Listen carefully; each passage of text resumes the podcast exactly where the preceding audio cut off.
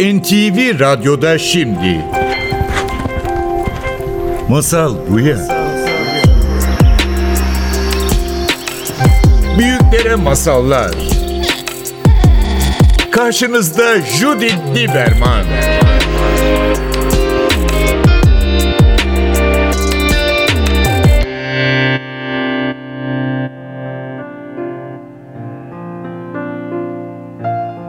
Masal Buya'ya hoş geldiniz. Bugün Mine Soysal'la birlikteyiz. Mine hoş geldin. Hoş buldum. Mine bir yazarsın. Özellikle gençlere e, yazıyorsun ama sadece gençleri değil ve aynı zamanda Güneşliğin Kitaplığı'nın kurucu ortaklarından ve genel yayın yönetmenisin. Ve bugün seninle bu okuma alışkanlığımızı konuşmak istiyorum. Zaten e, geçen hafta sonu ve yayın evi olarak sürekli bu okuma e, alışkanlıkları kazandırmak ve bunun üzerine konuşmak için e, çok fazla faaliyetler e, yaratıyorsunuz. Ama ilk önce sence iyi bir okur yani gençlerimizden iyi bir okur var etmek istiyorsak nereden başlar? Nereden başlarız? Büyük bir soruyla başlarım böyle. Bayılıyorum bu soruya. Bu zor soruya alışkanlık sözcüğünü kullanmamakla başlayabiliriz diye cevap vermek istiyorum. Alışkanlık sözcüğü Türkçe'de şartlanmış davranış anlamına geliyor.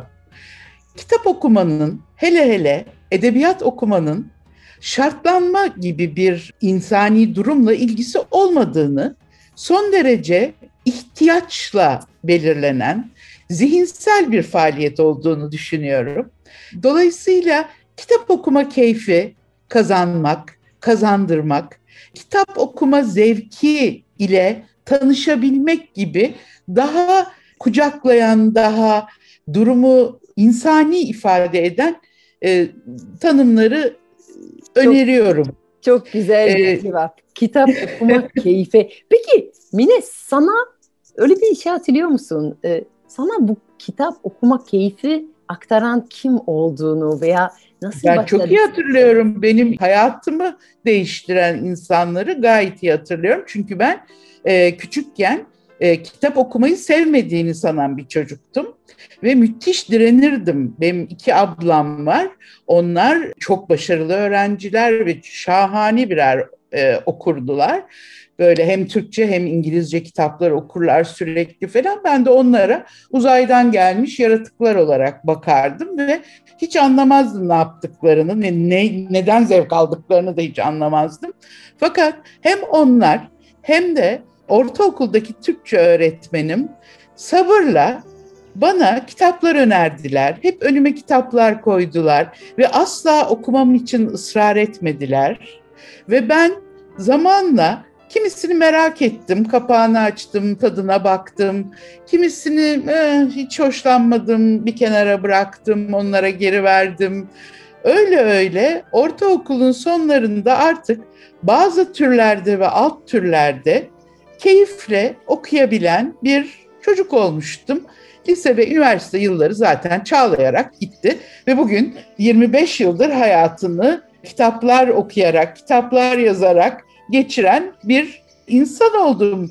Ee, aslında çocuklara da hep anlatmaya çalıştığımız şey aman diyoruz onlara yetişkinlerin klişeleriyle bakmayın bu konuya. Yetişkinlerin size kafanızı dürttükleri yargılarla işlemeyen bir alan kitap okumak. Hele hele edebiyat okuru olabilmek. Bu sizin kişisel yolculuğunuz olmak durumunda. Her insanın bu yolculuğa ne zaman, nasıl, ne nedenle, hangi kitapla çıkabildiğinin sihri o insanda. Kimse de değil. Ee, yani... Dolayısıyla bu hani e, çok özel, çok kişisel bir zevk konusu. Dolayısıyla da biz hem Gün Işığı kitaplığının yayın programında hem bütün yazarlarımız ve biz de yönetim olarak kitap okuma hak ve özgürlüklerinin savunucuları olarak kendimizi böyle bir görevde buluyoruz hep. Yetişkinlere hep diyoruz ki aman ne olur çocuklara eziyet etmeyin, illa bu kitabı okuyacaksın diye ısrar etmeyin. Denesinler, okuyabiliyorsa ne mutlu okusun. Ama okuyamıyorsa başka seçeneklere, başka kitaplara, yazarlara, şairlere, yönelsinler. Böyle böyle herkes kendi okuma serüvenini oluşturabiliyor. Çok çok güzel söylüyorsun. Yani çünkü bu bilim mecburiyeti ve bu e, ödev gibi bence çok genç bir yaşta başlıyor. Şimdi görüyorum benim kızım e, iki yaşında, iki, iki yaşın ve çok kitap seviyor. Yani böyle bir e, e, birçok insanlara anormal seviyesinde çok kitap seviyor. Tipak diyor onlara. E, tipakları okuyorum. Bu tipakın yazarı falan böyle diye. Ve her defasında dedesi çok gurur duyuyor. Ama şey diyor, ay kızım yine ödevlerini yapıyor. Ay kızım yine ödevlerini yapıyor. Ve hep şey diyorum, bu onun ödevleri değil ki. Onun ödevi yok. Bu onun en sevdiği şey. Aa diyor, yine de alışkanlık. Çok mutlu oluyor bu durumdan ama yine de böyle bir yani o kadar keyifli bir şey değildir herhalde. Ödevdir, okul içindir. Veya herkes şey diyor, demek ki okulda iyi olacak. Demek ki okul için kolay olacak. Ama burada hiçbir okul ile hiçbir alaka yok aslında şu an onun durumu. Şu an sadece o keyifteyiz. Ve aynı zamanda bunu da söyleyeyim seni dinlerken şey hatırladım. Ben ilkokul çok kitap seviyordum. Annemler çok okurlardı. Ama ortaokul tamamen çizgi romanla geçirdim. Yani Tabii. roman okumak istemedim. Ve annemler şey bize bir sürü çizgi roman aldılar. Yani hiçbir baskı yoktu. Çizgi romansa çizgi roman. Ve lisede yolumu buldum bu defa Evet. kendi edebiyat ve sevdiğim edebiyat. Beni Evet. oraya götüren şey şu oldu. Ben Amerika'da okudum lisede ve İngilizcem çok kötüydü oraya taşındığım zaman. Ve orada çok farklı bir edebiyat yaklaşımı var. Fransa'da çok analiz ediyorduk. Her edebiyat, her okuduğumuzun yani suyunu çıkartıyorduk. Ta, taştan suyu çıkartmak yani metaforları şey. Ve o yüzden ben edebiyata küsmüştüm. Analiz etmekten e, yorulmuştum. istemiyordum. Ama Amerika'daki edebiyat yaklaşımı bambaşkaydı. Çok okuyorduk. İnanılmaz çok okuyorduk ama her tür okuduk. Bir yıl içinde okuduğumuz kitabın, romanların yani ha- hatırlamıyorum o kadar uzun bir liste ve öyle o kadar çok okuyorduk ve her gün okumamız gerekiyordu ki her evden çıktığım zaman mutlaka cebimde bir kitap vardı. Ve her molada okumam gerekiyordu çünkü İngilizcem çok zayıftı ve çok yavaş okuyordum. Ve o yüzden kitap benim için 3 dakika varsa açtığım ve devam ettirdiğim bir şey oldu. Orada bir alışkanlık Evet. kazandım. Bol okuyarak ve her tür şeylerden okumak beni bu edebiyat dünya yani kapı açtı gerçekten ve ondan çok mutluyum. Biraz bu 14. eğitimde edebiyat seminerlerinden bahsetmek isterim. Ve biraz açılışta e, Büket Üzürner'in bir sözle biraz açılış yaptınız. Hayatta tek mucize iyi bir öğretmene rastlamaktır. Çok güzel ve biraz senin demin anlattığın hikaye ile tam denk geliyor. Hayatta Hı hı. tek mucize iyi bir öğretmeni rastlamaktır. Burada çok güzel de bir şekilde bu eski öğretmenler, bu köy enstitüdeki edebiyat öğretmenlerden bahsettiniz. Biraz bunlardan bahseder misin bize? Şimdi biz bu eğitimde edebiyat seminerlerini 2010 yılından beri yapıyoruz. Bu 14.sü oldu cumartesi günkü. Neden başladık biz bu seminerleri? Öğretmenlerin, kütüphanecilerin ve konuyla ilgili akademisyenlerin çağdaş çocuk ve gençlik edebiyatını eğitim öğretimde yaratıcı yollarla kullanabilmelerinin yöntemlerini, yollarını, yaklaşımlarını ve örneklerini onlarla birlikte paylaşmak, düşünmek, tartışma ihtiyacımızdan kaynaklandı.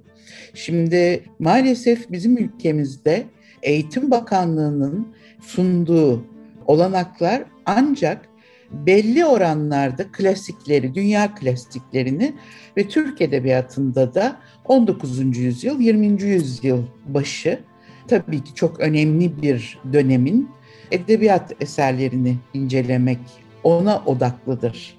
Fakat bugünkü çocuğun, bugünkü genç insanın edebiyat okuma ihtiyaçlarını ve aslında zihnindeki eğitim için olanla bitmeyen hayat eğitiminin arasındaki farkı yaratacak denli güçlü kaynağın çağdaş edebiyat olduğunu, çocuğu da genci de çok çabuk ve çok daha kolaylayarak okuma eylemine davet edebildiğini biliyoruz. Şimdi eğitimcimizin bu e, yeni büyük çağdaş çocuk gençlik koleksiyonlarında çok fazla haberi olamıyor.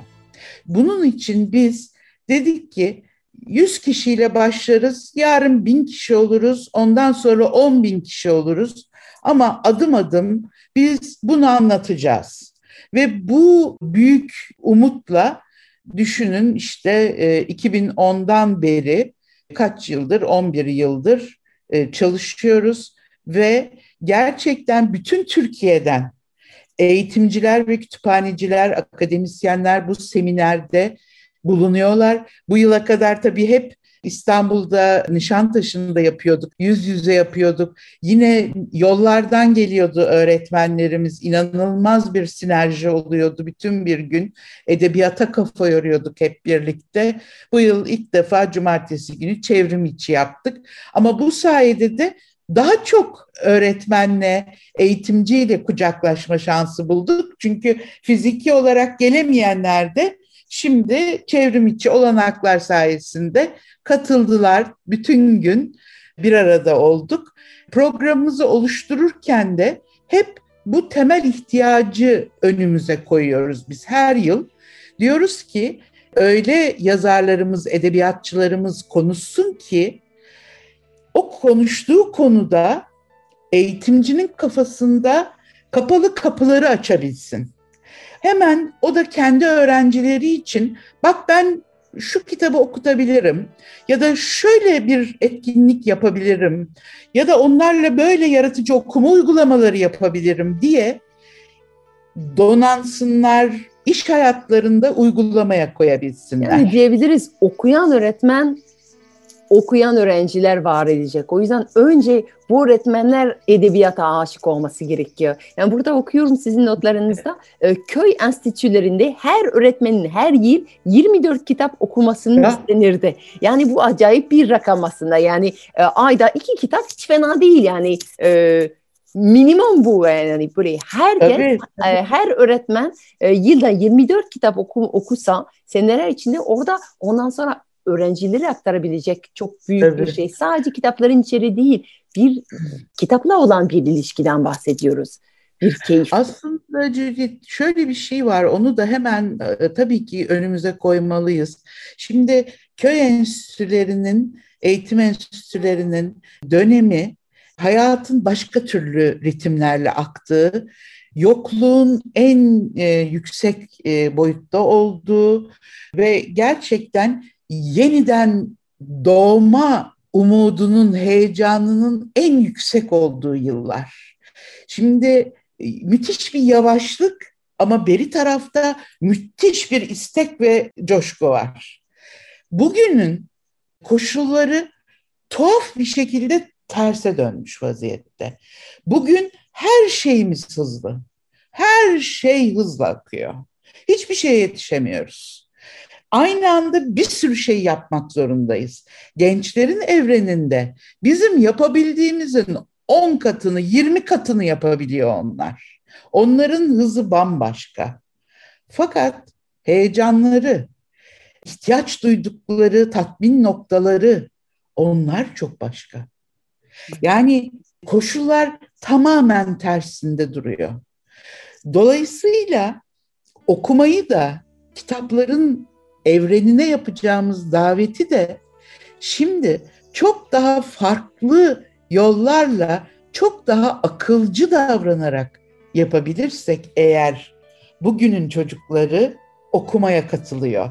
Okuma hevesi duymayı e, deneyimleyebiliyor o davetler nasıl olabilir? Bizi dinleyen insanlara böyle bir püf nokta demeyi sevmiyorum ama böyle birkaç davetler var mı? Yani bir kitabın iştah, kitaba doğru veya edebiyata doğru iştah açıcı nasıl yollar izleyebiliriz? Aslında çok güzel e, soruyorsun bunu çünkü şimdi mesela bizim cumartesi günkü seminerimizde ülkenin farklı yerlerinden dört öğretmenimiz bize sunumlar yaptılar.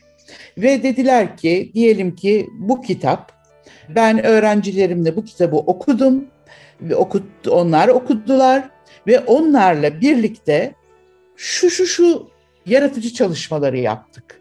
Ve bunların sonucunda bu bazısı diyelim ki iki ay sürdü, bazısı üç ay sürdü, bazısı yıla yayıldı. Ama bunların sonucunda da hem düşünsel olarak hem duygusal olarak hem de eğitsel beceriler açısından şu şu şu kazanımları elde ettik diye sunumlar yaptılar. Şimdi burada çok somut örneklerden bahsediyoruz. Nedir mesela? Diyelim ki kitapta geçen ortaokul ya da lise öğrencileri bir şiir kitabı Gece Uçuşları adlı şiir kitabı seçkimizi okuyorlar ve bunun üzerine şiir türüyle ilgili hem kişisel hem grup çalışmalarıyla pek şaşırtıcı, insanı müthiş heyecanlandıran bir takım işler ortaya koyuyorlar. Şimdi ortaokullarda Burdur'da bir öğretmenimiz ortaokul öğrencilerini Gülsevin Kral'ın Umut Sokağı Çocukları romanından yola çıkarak göçmen çocuklar, mülteci çocuklarla iletişim kurmak üzerine akıl almaz derecede heyecan verici çalışmalar yaptırıyor. Ne yapıyorlar biliyor musun? Burdur'da göçmen çocukların toplu olarak daha çok okuduğu bir okulu kardeş okul yapıyorlar ve o okuldaki göçmen arkadaşlarıyla okulun öğrencileri e, mektuplaşarak, tartışarak, birbirlerini e, sanal geziler yaptırarak pek çok e, yolla bir araya geliyorlar ve inanılmaz bir sonuç var şu anda ortada. Yani yaşayan Bundan kitap, ay- yaşayan deneyim aslında, uygulamak. Evet, bundan üç ay önce birbirinden hiç habersiz olan ve hatta maalesef bizim ülkemizde böyle bir genel kanı var. Nereden çıktı bunlar, niye geldiler hani gibi böyle müthiş olumsuz da bir duygu yayılıyorken Burdur'da yüzden fazla öğrencinin hayatı değişti. Şimdi onların Suriyeli, Afgan, Somalili arkadaşları var artık. Ve Ümit verici, gerçek ümit arkadaşlar bunlar. Mü- müthiş bir şey. Yani söylemek istediğim şey Günüşe Kitaplığı'nın YouTube sayfasında videoları yayınlı. Aslında insanlar hani merak edip bunları izlese sunabilecekleri çok sayıda e, farklı yol olduğunu kendi çocuklarına evde ya da okullarında ya da kütüphanelerinde öğrencilerine, kullanıcılarına çok çabuk fark edebilecekler. Bir yolu daha hemen hatırlatmak istiyorum. Yine bu e, noktada yol gösterici olacak. E, bizim bir yaratıcı okuma uygulamaları veri tabanımız var. Bu bir internet sitesi. Bu sitede kitaplarımızın tartışma her kitap için tartışma noktaları ve etkini yaratıcı etkinliklerden oluşan dosyaları var. Bir aile de olabilir, meraklı bir aile de bu dosyayı kullanarak diyelim ki birlikte okudukları bir kitap hakkında son derece keyifli bir akşam sohbeti yaşayabilirler. Ya da e, bir öğretmen bu kitap dosyasını kullanarak öğrencileriyle uzun soluklu ya da kısa vadeli pek çok yaratıcı çalışma yapabilir. Önemli olan e, fikri bulmak ve o fikrin üzerinden tabii ki çocukların da görüşleri alınarak, onların da tam katılımın sağlanarak e, bu gibi çalışmalar yapmanın okuma keyfine, okumanın sürdürülebilirliğine çok büyük yararı olduğunu görüyoruz. Evet. Yani mesele aslında böyle git sen odanda oku, git ödevini yap demek değil ama gel birlikte birlikte okuyalım, birlikte merak edelim, birlikte bir mahalleye gidelim, başka insanlarla tanışalım. Ee, Kesinlikle. edebiyat hayatımızın bir parçası. Burada e, şey okuyorum, bu e, seminerlerden bir söz bir e, eğitimcinin Hı. e, söyledi, Özben şey dedi, şiir bizim özgürlüğümüz, direnişimiz, baş kaldırımızdır. İstediğimiz duygu daha iyi anlatmakta. Elimizden tutan yakınımızdır. Öğrencilerimizin şiirle arasında koyduğu mesafeyi şiirin bizim yakın arkadaşımız olduğunu hissettirerek azaltabiliriz. Yani diyor ki önce sen ebeveyn, önce sen eğitmen, senin ilişkin nedir? Var mı senin hayatını kurtaran bir şiir? Var mı senin hayat yoluna yolun değiştiren bir kitap? Onunla başla. O aşk oradan, o kıvılcım o ateşten e, beslenecek. Çok güzel. Ve tam da o amaçla aynı zamanda şu an bir tane öykü yarışması düzenliyorsunuz. Ki bu da tabii ki gençler için hep okumak, hep böyle tüketici olmak yetmiyor. Gençler yazmaya bayılıyor. Yani gerçekten Evet. bu onların edebiyatın önemli bir parçası yani. Sadece okur değil, yazar olmak. Okumakla başlar ama yazmakla devam eder. Biraz böyle bu yarışmadan bahsedebilir miyiz? Zeynep Cemal'i öykü yarışmasından. Çünkü çok yaklaşıyor. Sevinçle e, bahsederim çünkü çok heyecan duydum. Çok sevdiğim bir e, projemiz e, Zeynep Cemal Öykü Yarışması. 6, 7 ve 8. sınıf öğrencilerinin Türkiye genelinde katılabildiği bir yarışma. Milli Eğitim Bakanlığı yurt genelinde duyuruyor e, yarışmayı bütün okullarda. Burada her yıl Zeynep Cemal'inin ki e, bizim çok erken kaybettiğimiz bize çocuk edebiyatının gerçekten çok önemli e, bir koleksiyonu olan 8 kitap bırakıp aramızdan ayrılan Zeynep Cemal'inin e, bir kitabından seçtiğimiz bir e, tema her yılın teması olarak belirleniyor. 2021 yılı temamız doğa sevgisi. Doğayı mahvettiğimiz için el birliğiyle dedik ki çocuklarımız çok güzel e, yazacaklar. Şimdi onlar çok güzel izliyorlar olanı biteni ve e, hepimize yol gösterecek öyküler yazsınlar doğa sevgisi üzerine. Ve E, bu, bu öyküleri e, nerede gönderebiliyorlar katılan çocuklar? E, Belki bizi dinleyen, öyküleri- katılmak isteyenler olur. Tabii ki bir kere günüşekitaplığı.com web sitesinden Ze- Zeynep Cemal'i Öykü Yarışması sayfasına girerek orada bütün katılım koşullarını, gerekli katılım formunu, e, izin belgelerini onları bulup e, gayet güzel dolduruyorlar. Ne Tabii zamana ki kadar? yazıyorlar. Son başvuru tarihimiz 25 Mayıs Harika. e, bu yıl. Seçici kurullarımız da her yıl e, yenileniyor. Edebiyatçılardan oluşmasına ağırlık verdiğimiz bir seçici kurul.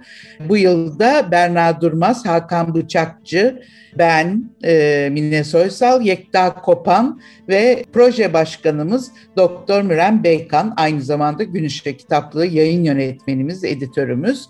Böyle bir e, seçici kurulumuz var bu yılda.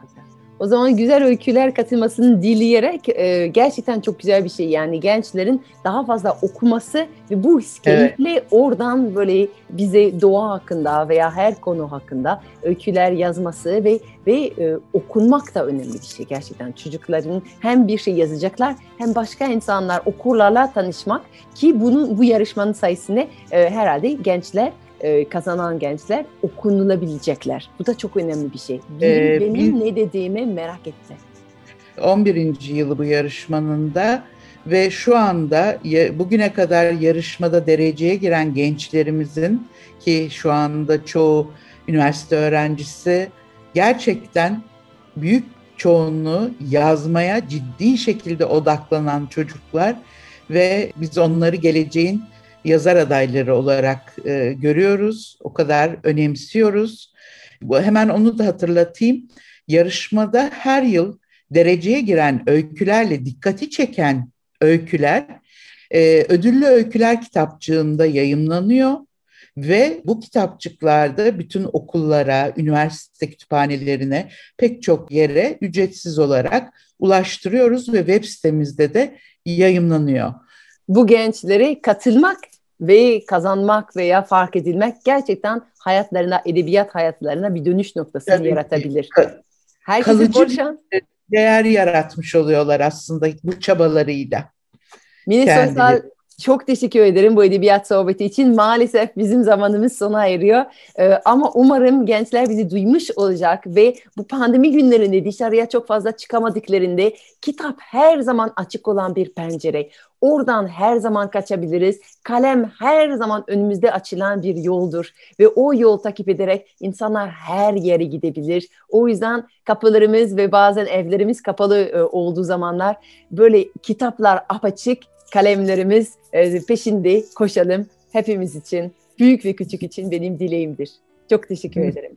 Ben teşekkür ederim. Sağ ol. Judith Lieberman'la Masal Buya'nın bugünkü bölümü sona erdi. Kaçıranlar ve tekrar dinlemek isteyenler için programın tüm bölümleri NTV Radyo'nun web sitesinde Apple, Google, Spotify podcast hesaplarında istediğiniz zaman ulaşabilir, istediğiniz yerde dinleyebilirsiniz.